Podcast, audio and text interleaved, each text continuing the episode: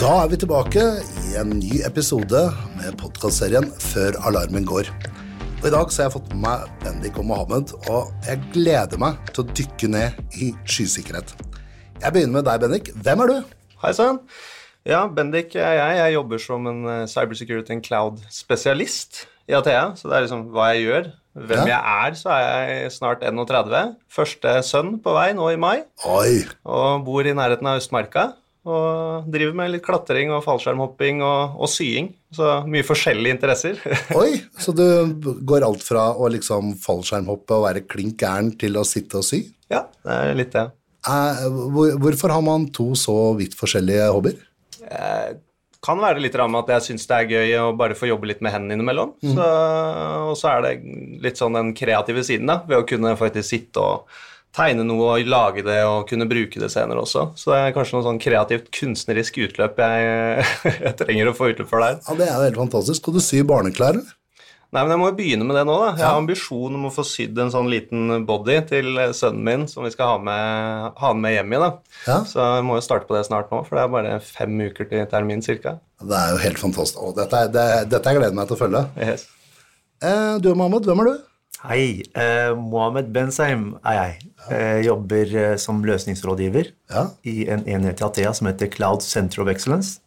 Det hørtes veldig, veldig spennende ut. Hva, hva, hva er et center of excellence? Center of Excellence eh, I eh, normal kundesammenheng så handler det egentlig om hvordan skal man eh, rigge seg i en organisasjon for å få suksess ut av skysatsingen. Fantastisk. Det var jo en veldig god, er- veldig god forklaring. Ja, så eh, det handler om at man eh, ikke bare har eh, en flaggbærer for sky. Ja. At jeg, enkeltperson, sitter og styrer masse med sky, mens Ja. jeg ikke har med meg hele organisasjonen. Ja. For en skysatsing, det vil egentlig eh, påkreve at hele organisasjonen er med for at man skal få suksess. Alt ifra finans, sikkerhet, teknikerne, de som er ansvarlig for fagapplikasjoner, de som er ansvarlig for digitalisering, at de sammen jobber mot et felles mål, og at alle blir involvert. Det, er, det, det tror jeg er et av de beste svarene jeg har fått noen gang når jeg har stilt det spørsmålet. Altså. Det, er, det er jo fantastisk. Men du, eh, for at du, du er ikke en fisker, det har jeg fått konstatert. eh. jeg, jeg kjenner at jeg må invitere deg på fisketur, for jeg elsker å fiske. Men hva gjør du utenom? Hva er utenom? Jeg er eh, trebarnsfar. Oi, Far til eh, en vakker datter og to gærne gutter. oi da er du proff. Tre Jeg er stykker. proff, Ja, ja. ja, ja. Ja.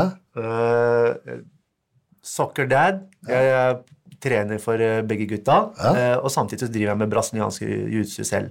Oi, Og der er jeg også trener. Jeg er både trener og eh, skal jeg si, praktikant, utøver sjøl. det er jo helt eh, magisk. Ja, det, det, det går tøft for seg eh, noen ganger, men eh, det er gøy. Det holder meg ung, for jeg er 46 år snart. ja. Så det er det som holder meg litt på tuppa. da. Det er det som holder meg i form. Men det var jo egentlig godt du fikk forklart, for når folk ser, møter deg med blåveiser og sånn, så er du er ikke fordi du kranglet deg, fordi du driver trening. Ja, og heldigvis så går det ikke så hardt for seg. så bra, så bra. Du, eh, vi lurer litt på altså, Nå var du litt om hva du, hva du jobber og hvordan det er, men hvordan er din arbeidshverdag, Bendik? Ja, jeg har eh, Jeg syns jeg har en veldig spennende rolle sånn som det er nå. Jeg eh, jobber eh, ut mot kunder, type rådgivning, strategisk rådgivning ut til ledelsesnivået der sånn. Eh, Som kan være type CISO, altså IT manager, eh, head of DevSecOps, litt sånne ting. Jobber litt med strategisk rådgivning for å hjelpe de å navigere seg i dette terrenget som er skysikkerhet. da og hva man burde prioritere. Eh, Så sitter jeg og jobber tett med tjenesteutvikling da, i Athea for hvordan vi skal tilby disse her managed servicene for å gjøre det enkelt da, for, eh, for ulike virksomheter i Norge da, å implementere sikkerhet i, i skymiljøene sine. Og, og vi snakker om sky og skymiljø, og, altså det, det er så flott, og det er liksom digitalisering, og liksom, alt, alt bare flyter og er bra. Men det, er, men det kan også være litt komplekst, for hva er skysikkerhet? Ja, det kan. Jeg syns det er morsomt man, eh, når man prater med ulike mennesker, da, så får man veldig ofte en sånn eh, forskjellig oppfatning av hva mennesker mener dette er. Eh, jeg tenker For å gjøre det litt sånn håndterbart og veldig enkelt, så for meg så handler det om, eh, om to ting, egentlig. Eh, det handler om at vi skal sikre de verdiene vi har plassert hos noen andre. Fordi vi har jo da gjerne dataene våre eh, og tjenestene vi bruker, hos en tredjepart skyleverandør, da, enten det er Microsoft eller Amazon eller Google osv. Så, videre. så liksom, hvordan er det vi skal sikre dette? Um, og så er det den andre biten av det som handler om uh, hva slags type risiko er det vi er villige til å ta. da. Fordi det er ikke gitt at alle disse typer tjenestene som vi skal anskaffe oss, er like gode når det kommer til med å sikre det de er ansvarlige for. Så det er liksom veldig sånn enkelt forklart. Da. Det jeg tenker skysikkerhet handler om, det er risikoen vi er villige til å ta for å oppnå de resultatene vi, vi trenger da, for å være relevante i markedet. Eh, og så er det det andre sånn rent praktisk. Eh, hvordan er det vi faktisk skal sikre disse virksomhetskritiske dataene og verdiene vi har, da, som vi har plassert ute i skyen. Er det noen regler for eh, hvordan denne sikkerheten skal være eller settes opp, eller noe sånt? Eh? Ja, det fins jo utrolig mange forskjellige rammeverk og beste praksiser som vi kan dykke ned i her, da, avhengig av liksom hvilke tjenester vi bruker. Men um, GDPR er jo blitt en kjempestor ting som man diskuterer. ikke sant? Schrems 2. Vi har uh, disse utfordringene med data som blir plassert, og hvem er det som har tilgang til ja. dette. Um, det er jo kommet veldig mye bra informasjon fra bl.a. Cloud Security Alliance, ja. med altså, kaiker og matriser og mye vi kan bruke her. da. Eh, så verktøyene og rammeverkene er jo uten tvil til stede for å hjelpe oss å navigere i det her. Ja, så Det går an å gjøre noe standardisert, at, det, at, man får kontrollen? Absolutt. Og mye av det som vi har sett tidligere også, altså enten det er SIS-18 osv., kan man jo faktisk ta og benytte seg inn i, eh, inn i skyverdenen også, da. Ja, fantastisk. Men eh, jeg går to skritt tilbake, og så sier jeg meg, men hvorfor går folk ut i skya? Det er et stort, stort spørsmål. Veldig stort spørsmål. Veldig stort spørsmål. Og det er faktisk et spørsmål jeg stiller kundene mine når jeg er ute og snakker med de også. Ja. Eh, det er kanskje litt sånn kontraproduktivt da, for en person som skal prøve å skape muligheter i skyen. Men eh, det er viktig å stille spørsmål på hvorfor jeg skal til skyen. Det er en av driverne. Hva er driverne for at jeg skal ut i skyen? Mm. Og for mange kunder så er det det at du har et eh, datasenter, eller et datarom, og du har en infrastruktur. Og i den infrastrukturen da, du har servere, VM-er, whatever, ikke sant? og du ønsker ikke å drifte det Du ønsker ikke å bruke tid på å drifte disse serverne lenger, og vil heller fokusere din kompetanse og din tid på uh, faktisk å videreutvikle andre områder, eller hjelpe forretningen skape mer verdi. Ja. Det er, kan være en av driverne. Men typisk de fleste som får mest bruk eller nytte for sky, mm. er jo hvis man skal faktisk bruke den dataen til å gjøre altså må gjøre noe smart med den dataen som, eh, som selskapet besitter. Da. Ja, altså Den dataen som genereres? Altså ja. Det, ja. Istedenfor å bruke Excel-ark, f.eks. Ja, ja. mm. Det er eh, for å automatisere prosesser, for å skape mer verdi ut av dataen. Mm. F.eks. Eh, det å drive eventdreven automasjon. At det, ut av en hendelse så skaper man faktisk en hendelse til, at man trekker ut funksjonalitet at man automatiserer gjentagende prosesser. Det er det som er liksom hva skal jeg si, kjernen i, ja, regi. da. IOT. Ja. Som f.eks. IOT. da. Det å innhente data fra forskjellige kilder og ut av det kanskje f.eks. hindre av at en skade på noe materiale skjer. Det kan, man, det, kan man, raskt få opp i skyen, kontra det å f.eks. skal bestille eh, ressurser og infrastruktur for å gjøre det fra IT-sjefen. Det er det det går på. Jeg, det er synd ikke lytterne våre ser på deg, for det her, dette brenner du for. Det er helt ja. Men uh, innspill, eller? Ja, jeg, bare, jeg og Mohammed jobber jo ganske tett sammen. Ja. Og, og, og, det er det jeg syns er så veldig gøy med akkurat dette med skysikkerhet og det vi prater om her, da, i forhold til liksom, hvorfor går, går, man til skyen. Ja. Um, og sånn kort oppsummert, de casene jeg føler vi er mye involvert i, da, så handler det jo om å bli raskere og bli smartere. ikke sant? Uh, mer automasjon, og man skal bli mer datadrevne. Uh, og det her bidrar til en hel liksom, rekke nye sikkerhetsutfordringer da, som vi må løse. Uh, og det var det som gjorde at jeg ville dykke mer ned i det òg, fordi uh, det er en spennende tilnærming til IT-sikkerhet, syns jeg. Å se på Jeg føler man er veldig med inn i hvordan vi skal hjelpe virksomheter å innovere da, ved å løse disse tingene. Få tak i eh, Ta inn innenfor offentlig, da, om det er innenfor helse. Mm. Hvordan er det vi skal kunne bruke eh, maskinlæring og kunstig intelligens inn på data som vi allerede har i dag, eh, og kunne faktisk Um, få bedre innsikt da, til å ta bedre datadrevne beslutninger. Eh, og det er eh, når disse dataene f.eks. ikke ligger på, hos oss selv lenger, da, ute i skyen, så må vi jo inn der ikke sant, og finne ut hvor mye risiko kan vi ta her sånn, hvordan skal vi løse disse utfordringene. da. Fantastisk. Hadde du et innspill? Jeg tenker på Jeg kommer jo i farta at jeg tenker på eh, at det utviklere Ja. De som sitter og utvikler nye tjenester og funksjoner og kapabiliteter, som det heter, i de Ja. forskjellige selskapene, de er jo veldig glad i sky. Ja. Fordi du kan spinne opp ting veldig fort opp, og du kan ta det ned når du ikke har bruk for det. Men i det at det finnes så mange muligheter, og det at man kan gjøre ting så raskt, så det er da man egentlig må ta et, kanskje et skritt tilbake, eller være litt bevisst på at det, når man gjør det så fort, så kan det skape sikkerhetsutfordringer. Hvordan har, hvordan har, hvordan har, som IT-sjef eller som avdelingssjef, eller hvordan har man kontroll på alt som spinnes opp og spinnes ned? Ja, jeg tror eh, Og det her er det som jeg syns er veldig interessant nå, da, som vi har sett veldig mye i løpet av 2022 og i 2023 i de casene og de virksomhetene vi diskuterer med. Eh, og for det er veldig mange som har kommet ganske langt på vei i skyreisen sin nå. ikke sant? De har gjort mye, utviklerne har bare kjørt på. Eh, vi får publisert ny funksjonalitet mye raskere osv.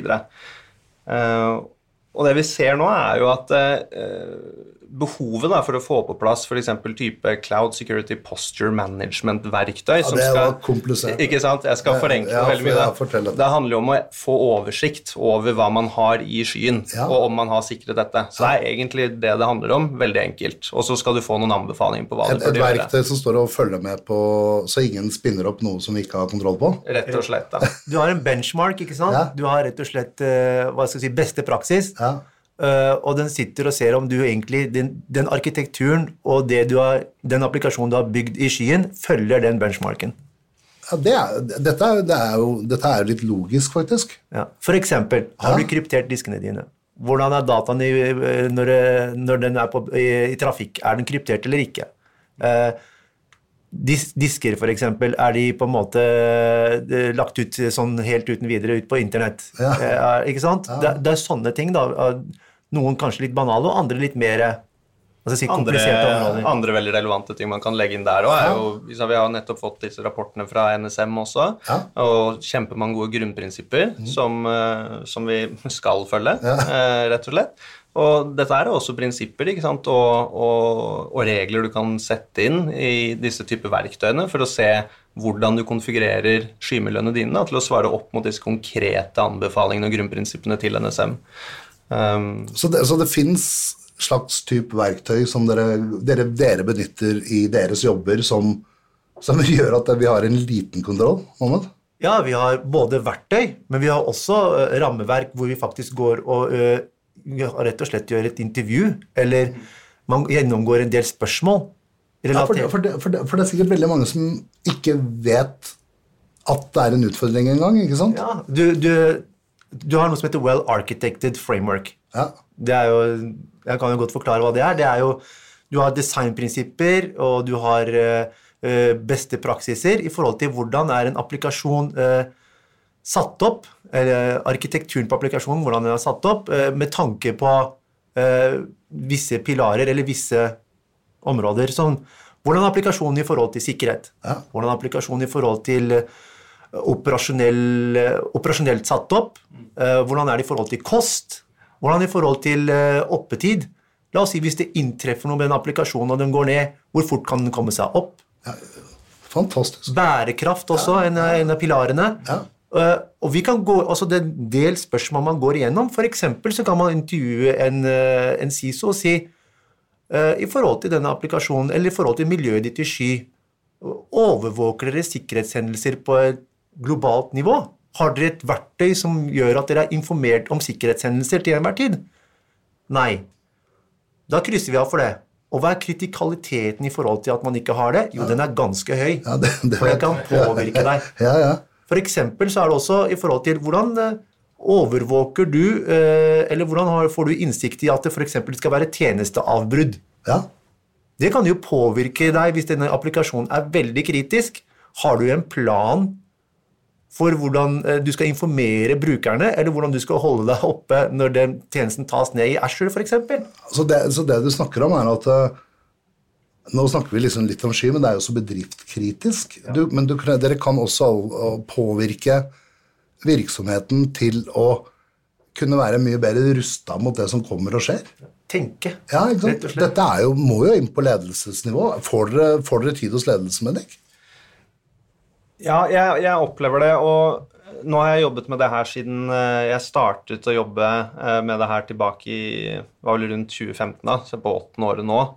Eh, og på det tidspunktet så var det veldig lite inn til ledelse. Um, det var veldig mye inn på bare operations, og at vi skulle effektivisere og um, automatisere egentlig måten vi driftet tjenester på. Men sånn som det er nå, og spesielt vil jeg si etter pandemien, da, når eh, over natta så måtte alle få tilgang til å kunne jobbe hjemmefra, og tjenesten og veldig mye mer virksomhetskritisk informasjon havnet ute i skyen enn på skyplattformer, så eh, har vi fått mye mer eh, hva skal du si, pull da, og, og Oppmerksomhet, oppmerksomhet av ledelsen, fordi de begynner å forstå at det her um, berører dem. Men det jeg syns også er kult med det, er at de det virker som at det har liksom vært en sånn modningsprosess nå, og man virkelig forstår at skyen, da, det er derfor jeg jobber så tett med Mohammed òg, skal gi nye muligheter òg, sant. Og, og jeg tror de to tingene da fører til at vi, vi har mye mer oppmerksomhet inn mot ledelsen nå. Så mm, eh, ja, altså det var jo ikke Senest forrige uke så sitter jeg og prater med en daglig leder. Uh, Opp, eh, dette, det, nå tar jeg bare et spørsmål ut av lufta, for dette er noe jeg lurer på. Uh, jeg lurer på mye rart. Uh, eh, vi snakker jo ofte om i sky, ikke sant. I gamle dager så solgte vi noe. Du kjøpte en lisens, og så gikk det. Ikke sant? I skya så har liksom dette her i kostnadsbildet forandret seg veldig i forhold til forbruk og det ene med det andre. Og til å begynne med så opplevde jeg at markedet var veldig sånn Oi, øh, dette blir litt sånn strømpriser jeg betaler for forbruket, men jeg aner ikke hvor mye forbruk er. Og herregud, ikke sant? Opplever dere at det begynner å sette seg, Mohammed? Altså, du må vel sikkert argumentere for sånne ting? Det, det, man har begynt å få en for, for, form for eh, si, bevissthet relatert til hvordan forbruksmønsteret er i forhold til sky. Ja. At man går fra en sånn Capex-modell til Opex. Det betyr at istedenfor å betale for det upfront, Ja. så blir det en del av driftskostnaden fordi du sprer det utover. Ja, så du flytter, deg, du, flytter, du flytter økonomien internt i selskapet også? Og det betyr jo at selskapene må rigge seg for det. Fordi plutselig så har man Før så var det sånn at gikk, man kunne gå til IT-sjefen, og så skal man realisere et prosjekt. Man, trengte, man hadde et krav til en applikasjon. Man trenger de og de ressursene. Den og den VM-en og den og Ja. den storagen og hele pakka. Ja, der, ja, ja, den kjenner vi. Den kjenner jeg. Ja. Og så var det sånn at IT-sjefen sa ja, vi har ikke noe, noe mer i Vi har ikke nok Altså, vi har ikke mer i IT-budsjettet. budsjett. Sorry, Mac. ja, ja, ja. Nå har det endra seg, for nå kan IT-sjefen si uh, Ok, du vil ha den funksjonaliteten. Greit, men da tar din avdeling kostnaden. Men jeg, Ja, hvis jeg kan få Ja. fordi akkurat her berører vi på tema som jeg syns er utrolig spennende innenfor skysikkerhet også. Ja. Og det er eh, nettopp det her da, som går på hvordan økonomien virkelig eh, kan bli påvirket da, av det her. ikke sant? Bedrifter og virksomheter kan gå konkurs hvis de ikke har kontroll på kostnadene sine i skyen. Og Vi ser også at um, det kommer flere og flere angrep som begynner å fokusere seg inn mot uh, å ødelegge da, for virksomheter på denne måten. her sånn. Eh, Så hvis vi tenker istedenfor DDoS, da, hvor det er distribuert og vi bare sender masse trafikk inn for en tjeneste for å få den til å bryte sammen, så snakker vi her om economic denial of services, eller economic denial of sustainability, som handler om at vi skal bare få, eh, få opp trafikken i skymiljøene til kundene våre, eh, sånn at konsumet deres øker, og at de får en kjempestor faktura da, fra skyleverandøren, eh, som de må betale. Og dette her kan jo være et resultat av enten at det kan være inside risk, ikke sant? at du kan ha noen på innsiden som gjør dette her med vilje, som har litt for høye rettigheter internt i skyplattformen sin. Um, så ikke sant? identitet ekstremt viktig for å ha kontroll på livssyklushåndtering og rundt det. Eh, eller det kan være at man eh, kjører, man får noe anti-malware inn her sånn som begynner å øke nettverktrafikken, spørringer Ja. mellom tjenester, og så har du et kjempestort problem. da. Så, så det å ha kontroll da, på kostnaden også, eh, og sette opp det her, er veldig viktig. For teamene, og som jeg sikkert Mohammed har lyst til å si litt om òg, det er at teamene blir mye mer autonome når vi begynner å gå til skyen. Vi flytter beslutningsmyndigheten ut til de forskjellige utviklerteamene, eh, og så får man et budsjett da, som man forvalter selv. Ja, for det, når du sier at uh, IT-sjefen kan si ja, det gjør vi gjerne, men da er det din avdeling som betaler for det. Ja. Da har du flyttet ansvaret over til den avdelingen. Men hvordan har den avdelingen kontroll? Det som er, er at eh, det er mulig å få til agilitet, man kan få til at man jobber autonomt, man må ha, men man må, ha, man må innføre noe som heter governance. Da. Det er styring i skyen. At man må sette på plass visse uh, policyer, eller regelsett. Kan vi, kan vi hjelpe folk med det? Ja, ja, absolutt. Ja, for det er altså hvordan, Jeg er kreativ og kjører på og vil bygge noe, For det er det som er tingen. Da. men jeg aner ikke hva det koster, og det da må jeg ha hjelp. Ja, ja. For det er det som er tingen. Det er, noe, det er noe som heter delt ansvarsmodell når man jobber i sky. Microsoft, for eksempel, eller AWS, de har sin, sitt ansvar i forhold til sikkerhet. ikke sant? De må sikre at plattformen som leveres til kundene, er sikker. Og de leverer forskjellige attestasjoner ikke sant? på at de er trygge på den og den måten. For eksempel, vi forholder oss til PCI DSS. La oss si du kan putte din, eh, din data eh, relatert til f.eks. kort, bankkort, ikke sant? Ja. Da må du følge visse regler Ja, det er ganske sant, for å behandle dataen der. Det er ganske strengt. Ganske strengt. Og da sier Microsoft AWS vi har den sertifiseringen på våre plattformer, den vi leverer. Ja. Det er trygt. Men du, kjære kunde, når du bruker vår plattform, du må også sørge for at eh, den, altså, arkitekturen på den applikasjonen også er sikker. Ikke sant? Så det var litt den risikoen da, som vi pratet om Ikke sant? eh, i starten. Og av. da, og da ringer du Bendik, eller? Da ringer det Bendik, du ringer en. Men ja, du, altså, man må ha på plass governance, man må ha på plass styrings, eh, altså, styringsmekanismer, la oss kalle, oss, kalle det det, i ditt skymiljø. I forhold til at det, for eksempel den og den grupperingen der, vi kan f.eks. for eksempel sette et budsjett for de subscriptions, eller de abonnementene som de jobber inn på. Men jeg tror, men jeg tror ikke sant, det her også med den kostnadsmodellen da. Før så var eh, tradisjonelt budsjettet lå på eh, drift, og så Ja. lå det på utvikling. Det hadde vært sitt budsjett. Ikke sant? Nå så kan jo eh, det budsjettet bli tilegna markedsavdelingen, ikke sant. Så ok, de utvikler kanskje på eh, noen tjenester eller noe for salgsavdelingen, da. Så ok, da skyver vi markedet inn under det òg, ikke sant. Sånn at vi, vi ser på at vi sprer budsjettet ikke bare som en IT-drift eller Men du utviklingskostnad. kan, du kan også hente kost fra andre budsjetter på en annen måte enn det gjorde tidligere. Ja, ja, du kan fordele kostnader på prosjekter, på avdelinger, på mennesker til og med, eller på, en funksjoner. enkelt, på funksjoner. Så du kan sette opp den koststrukturen slik på den måten. Så governance omhandler ikke bare at man, hvordan man håndterer identitet, hvordan eh, man håndterer sikkerhetsbiten, men det er også i forhold til kostnader også. At man har på en måte styringsmekanismer for at folk ikke skal ta helt av. Sånn som han nevnte i forhold til economical denial of service. Du kan faktisk sette på en styringsmekanisme som gjør at det, det skal aldri bruke en tjeneste som koster mer enn så, mer enn så, så mye dollar i måneden. Og at du skal få disse varslene hvis du overskrider. da. Ja, det blir akkurat som mobiltelefonen. Hvis du har et abonnement, så går den ut på så og så mye gig, og så går den bare ned i fastighet. Ja, eller du kan til og med bli nekta å bruke den tjenesten. ja. Det er utrolig viktig. For Ja, eksempel, du har jo folk, du har, vi har jo hatt eh, scenarioer hvor for, for IT-sjefen, eller til og med Sison, ikke visste at noen av utviklerne faktisk fyrte opp, eh, fyrte opp eh, tjenester i Brasil og i Kina. Ja. Ikke sant? Men det var fordi det var billig, eller det var tilgjengelig der og da. ja. Det har vi sett mye av, og spesielt tidlig. Vi har blitt mye Hva- mer er bevisst på det nå. hva gjør man hvis altså, Kan man som IT-sjef kan folk, Er det noen regler? Kan man bli sparka for å bare kline til å opprette noe hytt og gevær? Ja, Blir du, bli det? blir, du, blir du tatt inn på teppet og sier at du, dette her er ikke innafor?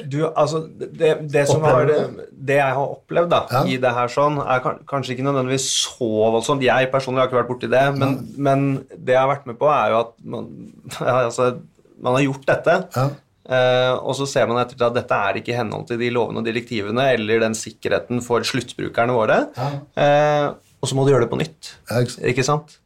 Eh, og da er det ikke nødvendigvis sånn at du bare kan migrere alt dette fra et sted til et annet. Du må faktisk kanskje bygge det opp på nytt, det kommer til å ta tid, det kan koste penger, ikke sant. Ja. Hva tenker du der? Ja, I Thea så har vi svelget vår egen pille, holdt jeg på å si. Fordi vi hadde et eget utviklingsmiljø i skyen, og den pådro seg sinnssykt mye kostnader. Ja. Det var slik at eh, du hadde et prosjekt hvor det var en ressurs som, eh, som starta med det prosjektet, så sa han opp. Han jobba ikke videre der. Men kostnader bare fortsatte og fortsatte i det miljøet, og det var ingen som visste det, hvorfor var dette miljøet oppe. Hvor mye, det var ingen som brydde seg om det engang. Inntil vi fikk regningene. ikke sant? Men, Men, men, men tør man da å terminere det? Ja, selvfølgelig. Hvis det er ingen som kan si til deg Ja, hva hvorfor vi ja. bruker det, og hva slags forretningsgevinst det gir, så da må du bare terminere det. ja. Det er, ok, Ikke vet jeg hvorfor jeg bruker det, og ikke vet jeg hvor mye det gir meg. Da er det ha det bra. Mm. Men eh, gutta, hva er det viktigste man må tenke når man, når man gjennomgår en skyreise eller begynner på en skyreise? Bare, det er et veldig banalt spørsmål. Men vi har tatt opp noen problemstillinger nå. ikke sant? Altså, Hva er det viktigste man må tenke på når man gjennomgår eller begynner en skyreise? Hvordan begynner man planleggingsreisen? Hvis du skal begynne, da, helt fra start Du ikke Skal har noe i nytt du skal bygge opp et nytt selskap. eh, eh, Altså, det Jeg var litt inne på det tidligere, da. Jeg vil si akkurat det som går på å kjø... Altså, man må få en forståelse for den risikoen man er villig til å ta, da. Ikke sant? Man må gjøre en god vurdering av de tredjepartstjenestene man skal benytte. Enten dette er SAS-applikasjoner, eller om du skal utvikle i ski. Men, men hvordan, hvordan vet jeg? For jeg, jeg er kreativ, jeg har en idé, jeg vet jeg skal bygge et selskap. Men jeg har jo ingen forutsetninger til å gjøre alle disse vurderingene. Hvem er det som gjør det for meg? Nei, det, altså, Vi kan jo hjelpe til med det, da. Eh, altså I Athea vi har jo rådgivere som sitter og faktisk kan komme ut og hjelpe deg med akkurat det er sånn, eh, og kartlegge ulike tjenester mot hverandre. Sånn. Si du skal benytte deg av et nytt HR-system. ikke sant? Det er jo 50-60, sikkert flere. Altså Det er mange forskjellige HR-systemer Ja. som er SAS skybasert du kan velge mellom. Hvilken er det som er riktig? ikke sant? Det skal vurderes på kost og sikkerhet og funksjonalitet, integrasjoner osv. Men dette kan jeg forstå, dette sånn, kan vi hjelpe, sånn kan vi hjelpe til med ikke sant, å gjøre. Det er det dere gjør, Mahmoud? Ja, altså, vi, jeg, altså, det er altså, flere i organisasjonen Athea som kan hjelpe til med det, men også andre selskaper. også. Men typisk vil jo f.eks. et selskap vil ha en virksomhetsstrategi. Den, vil, den har noen mål den skal oppnå, og for å kunne nå oppnå de målene, så trenger man de og de kapabilitetene. Da har man typisk strategiske rådgivere som går inn og sier for å oppnå den kapabiliteten Ok, du ønsker å bruke skyteknologi, ikke sant? Fordi du, man, man, du har de og de funksjonalitetene som kan realisere at man får de kapabilitetene. Ja, ok, Hvordan vil det påvirke sikkerhet? Hvordan vil det sikkert påvirke f.eks. data governance? Hvordan vil det påvirke ytelse? ikke sant? Og Da går man igjennom ikke sant, og ser på egentlig hva er risikoen, og hvordan vil dette påvirke at du ønsker de kapabilitetene du ønsker å bruke sky. Hva, vil det, altså, hva, hva er risikoen der? Kan du, kan du hjelpe meg da også med budsjettene jeg har for å komme i mål? For jeg vet sånn cirka hva jeg har av penger for å komme i gang. Ja, ja. Klarer dere å tilpasse det, så jeg vet? Ikke sant? Da har du typisk en, et, et budsjett du må forholde deg til. Ja. Og Først så går man gjennom det der med kapabiliteten og arkitekturen. Når man har funnet ut arkitekturen, så må vi bygge tjenestene. Ja. Og ut ifra det så ser man hvilken skyleverandør egentlig som passer inn her og ikke. Ja, ikke sant? Kostnadsmessig, men også funksjonsmessig. Man må huske på det også. Og så må man ta en overveiing. ikke sant? Det er en trade-off i forhold til kostnader versus hva man tjener på det. Det er jo ROI, ROI og TCO-kalkylen. ikke sant? Hvor mye, får, hvor mye får jeg igjen for å bruke noe som kanskje er dyrt i mine øyne? Hvor mye kan det gi meg igjen i penger? ikke sant? Men jeg, tror jo, men jeg tror det er viktig også å se inn på um, Noe jeg møter på veldig ofte, det er at uh, virksomheter har- har startet med de beste intensjoner uh, og har gjort veldig mye bra, men så har man da kanskje tatt med seg litt den tradisjonelle måten å tenke sikkerhet på ikke sant? inn i skyverden. Så det å sette seg inn i da, og forstå hvilke verktøy som er tilgjengelig for deg, for å kunne igjen ha god overvåking, god rapportering, livssyklushåndtering, litt sånn automasjon, hva er det som finnes der, eh, og som passer virksomheten din, da, den modellen eller den forretningen du driver med, det, det tenker jeg også er viktig.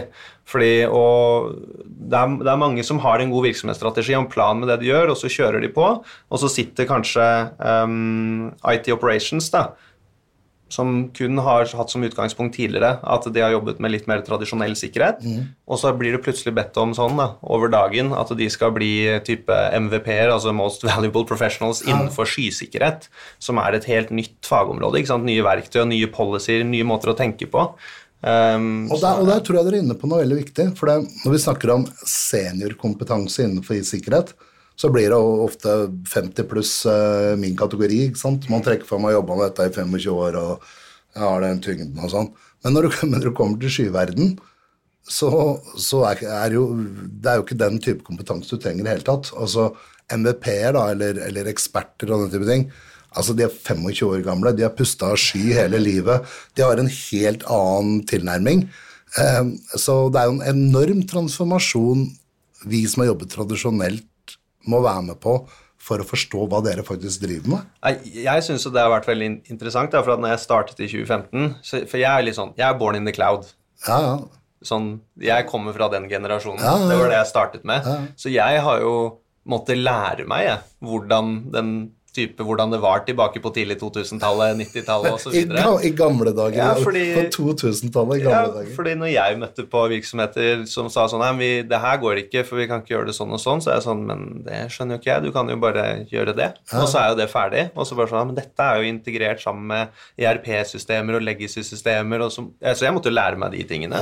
Og så skjønte jeg ja, det er kanskje litt mer komplekst da enn å bare trykk kjøp og så auto, liksom noen policy. Det, er, det er veldig spennende, da. Altså det konsekvensutredningen, det å kunne Altså det å skal si ok, det at vi bruker den og den funksjonaliteten eller den og den skytjenesten, hva er konsekvensen av det? du trenger et par år på baken for det også. Så det er fortsatt folk eh, med tyngde og et par år på baken som sitter her og er med på å gjøre de konsekvensutredningene. Det ser jeg. Men de må skjønne sky. De må skjønne sky. Ja, og de må ha hatt evnen til å transformere seg. ikke sant? Og det er også en konsekvensutredning når du går til skyen, er ikke sant, hva slags kompetanse kreves.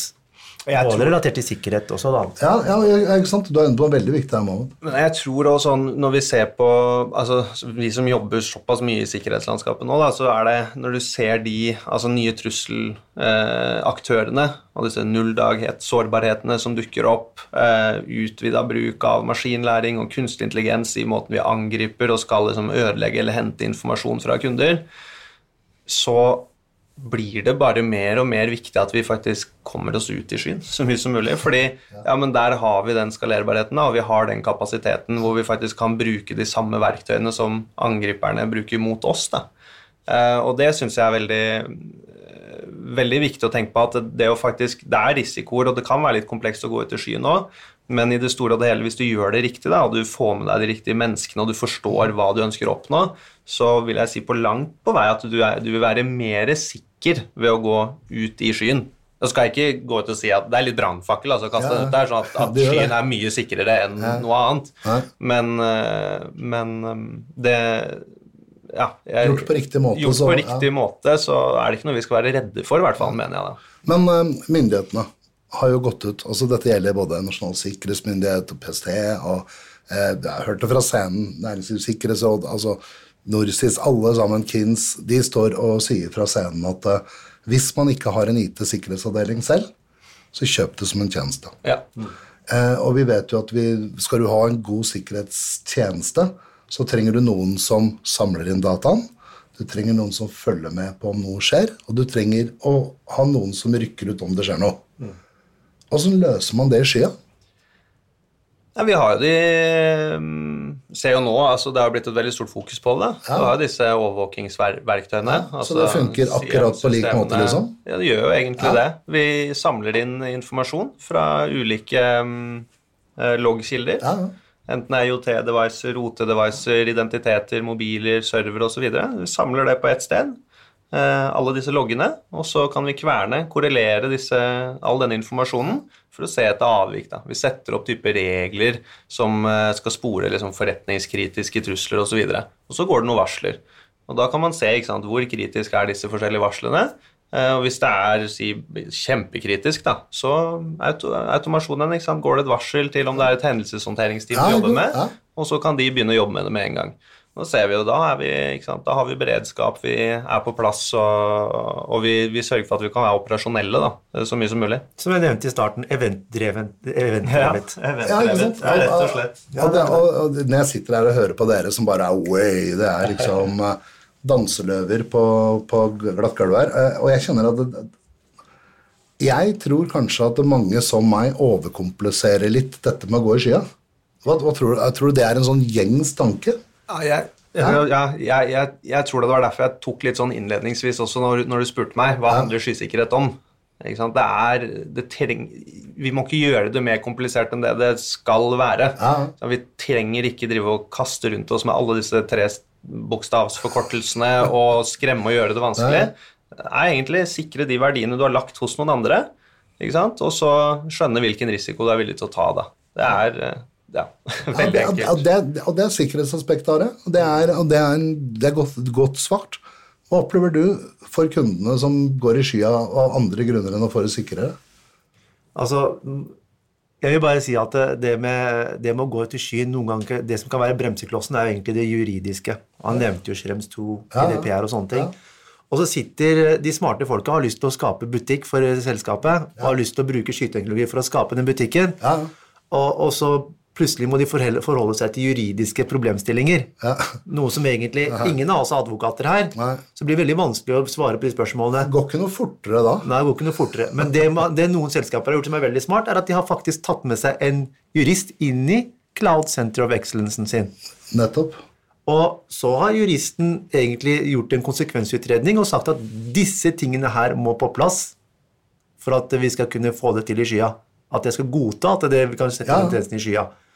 Og så har de, har de gjort altså, De har sett, satt opp sikkerhetsmekanismer som på en måte som gjør at det er overkommelig å komme seg til skya. Men jeg, men jeg tror jo også der er eh, Eller ikke men, i tillegg til da, at for de fleste så trenger ikke det her være så veldig komplisert. Det, det, var, det var noe annet tilbake, hvis du ser tilbake for ti år siden, da. Ja. Når vi virkelig var litt sånn greenfield på det her. Og du, jeg var med mange, med mange kunder hvor vi kjørte det her først. Vi, liksom, vi var de første som begynte å migrere kunder ut og begynne å holde på ting, og da, da var det veldig skummelt. Men sånn som nå, da, nå har vi hvor mange års erfaring da, og eksempler vi kan se til som har gjort utrolig mye bra. Ja. Og folk, og folk er ikke så redd for hvor dataen blir lagret lenger, og det var liksom der det stoppa mye før. Men også, Ja, ja, ja. Ja, det var, sitter og sier at jeg skal helst ha dataen min lagret i Norge. ja. Det er mange som sier at det er et krav, og det har de som kanskje krav fra myndighetene òg. I forhold til at eh, man må være compliant. ikke sant? Man må være, og, Men det trenger ikke å bremse utviklingen av hele eh, virksomheten. ikke sant? Og, og det, det føler jeg er en viktig diskusjon å ta også. Så er det sånn, ok eh, jeg, jeg, vet ikke, jeg kan ikke bygge hele huset i dag, men jeg kan i hvert fall starte med noe. Ikke ja. sant? Og så, ja, Jeg kan ikke pusse opp Ja, ta jeg, da. Jeg skulle gjerne pussa opp hele leiligheten min. Jeg har ikke råd til å gjøre det akkurat nå. Tar Starte med badet. ikke sant? Ja. Det betyr ikke at alt må drive og forvitre og forfalle, og at jeg ikke kan henge med eh, og man gjøre må, litt. Rann, da. Man må rett og slett bare ta overveie er akseptabel, hva er akseptabel risiko. Ikke sant? Overveie det mot gevinsten man faktisk kan oppnå. Skal man f.eks. unngå å levere er faktisk en veldig god og viktig tjeneste for innbyggerne, da, hvis det er en kommune, Ja. Basert på bare at det er noen prinsipper man må overholde, eller skal man faktisk få til en eller skal man faktisk gjøre en konsekvensutredning og si hvor, hvor, hvor er den akseptable risikoen? Gjøre den konsekvensutredninga og si at ok, vi kan tolere akkurat det her, men det, å levere den tjenesten her er faktisk viktigere. Så gjør man det. Jeg kjenner at, eh, jeg kjenner, jeg kjenner at eh, sånne som meg kanskje har overkomplisert ting, og det man bør gjøre hvis man er interessert, det er å kontakte folk som kan det. For dere har jo absolutt alle svar eh, når jeg prøver å sette det fast der. Så det er jeg jo kjempeimponert over. Jeg opplever at vi har fått de svarene vi trenger, og at vi begynner å nærme oss slutten her. Um, Så jeg tenkte jeg runder av med å, med å si at det, akkurat som når det kommer til sikkerhet, og man trenger en ekspert, når du går til skya, så kontakt en ekspert. Det er liksom litt det vi oppsummerer med. Um, før jeg slipper her, så nå er det, ja, før jeg slipper her, så, så har jeg- et par spørsmål jeg pleier å stille de fleste som er innom. Og jeg begynner med deg, Mohammed. Hva er din favoritt-smartwise? Jeg har ikke så mange av dem altså, utenom mobilen min. Nei, ikke si mobil, da. Det er kjedelig. Du må ha noe annet. Easy-laderen min, for da kan, jeg, kan jeg, da, da kan jeg styre den litt grann i forhold til at eh, når ladinga skal gå på og ikke. Det synes jeg Er det den til bilen? Ja, det er den til bilen, ja. Ja, Sucker Dad, ikke sant? Som han sa innledningsvis. Jeg bare plugger i bilen, og så er det sånn at den lader når strømprisen er på sitt laveste. Det syns jeg er ganske heftig. Vet du hva? det er- jeg enig i. Ja, det er konge. Ja, jeg er ikke sunnmøring, men jeg er helt enig med deg. Og du, da? Nei, jeg tror jeg må si klokka mi. Ja. Eh, ja, jeg bruker den uh, mye sånn til løping og trening og fjellturer og sånt nå. Så jeg, og så er jeg litt sånn eh, nerd på å kunne se og lese og tolke data og sånt nå. Så jeg, jeg syns det er gøy, da. Fantastisk. Kan du se hvor fort du faller fra himmelen og sånn etterpå? Jeg, har- jeg har faktisk testa den når jeg hoppa fallskjerm. Eh, det fungerte veldig, veldig dårlig. Eh, men eh, ja, så jeg har en annen klokke til det. Ja, okay, okay. ok. Ja, nei, så klokka eller kanskje Philips Hue-lysene jeg har hjemme i leiligheten også, synes jeg er veldig godt. Det er mye bra smart devicer, altså. Nettopp kjøpt en Sonos og veldig glad i den nå. Ja, det- På morgenen bare si skru på radioen, og så gjør den det. Det, det høres ut som du er på vei til å få deg et smarthus. Ja, det er ikke langt det er det. Men siden vi har pratet om sikkerhet i dag, så ønsker jeg også å ta meg et sikkerhetstips. Og Mohammed, hva er ditt beste sikkerhetstips? Nå, nå er ikke jeg noen sikkerhetsekspert, da, men eh, det jeg, det jeg syns har vært bra, i hvert fall i min hverdag, da, det er uh, Google Family. Oi, For da har man litt oversikt over hva barna holder på med, og hvilke applikasjoner de er mest inne på. Og man istedenfor å Jeg har i hvert fall ikke satt på sånn at eh, jeg nekter dem ting, men da har jeg i hvert fall et diskusjonsgrunnlag med barna mine på hvorfor de er inne der hvor de er, og snakke med dem om fornuftig bruk av internett. nå er jeg forberedt på å bli far om noen uker. Ja, det er jo kjempebra. Ikke bare det, men dette er et supertips til alle, absolutt alle andre foreldre også, som på en måte For det, det å prate om det og sette seg litt inn i farene, sette seg litt inn i hva de gjør for noe, det er jo fantastisk. Jeg så at dattera mi var veldig mye inne på Roblox inne på rommet. Hun satt aldri og spilte Roblox i stua.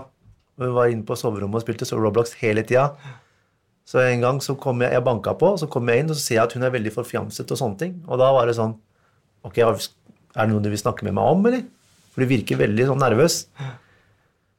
Så sier han nei, pappa, egentlig ikke. Så jeg, du vet du hva, det er bedre at vi snakker om det, og lover det blir ikke noen konsekvenser utenom at vi må lære av det som har skjedd nå. For jeg ser at noe gærent har skjedd. Ja. Og da har jeg vært inne på Roblox, og hun følte at hun hadde gjort noe gærent fordi hun hadde snakka med noen gutter, eller Ja. en, en gutt som lurte på så Han stilte henne så veldig mange spørsmål om hvor hun, altså hvem hun er, hvor gammel hun er, og hvor hun bor.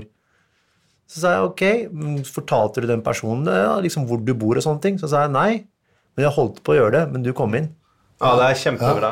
Altså, at, at det tipset der, bare generelt, da, det er helt magisk. Ja, dette er sannsynligvis et av de aller beste tipsene vi har fått, og det setter jo ikke noe særlig Jeg skal hoppe etter Wirkola nå. Ja, Ja, nei, jeg kan bare legge meg, jeg nå. Vi dropper tipset ditt. Vi dropper det. Nei, men så, jeg, som var med å jobbe med sikkerhet, jeg har, det er to ting jeg alltid tar med familie og venner hele tiden, eh, og som jeg brenner veldig for, for det vil hjelpe så mye i hverdagen. Det er ene skru på flerfaktor, tofaktorautentisering på de viktigste kontoene dine. Ja. Eh, og nummer to, skaff deg en password manager. Altså, og det er mange som sier det, men viktigheten av de to tingene, bare for å ta vare på dine egne verdier, kjempeviktig. Og kjempeenkelt å gjøre det også.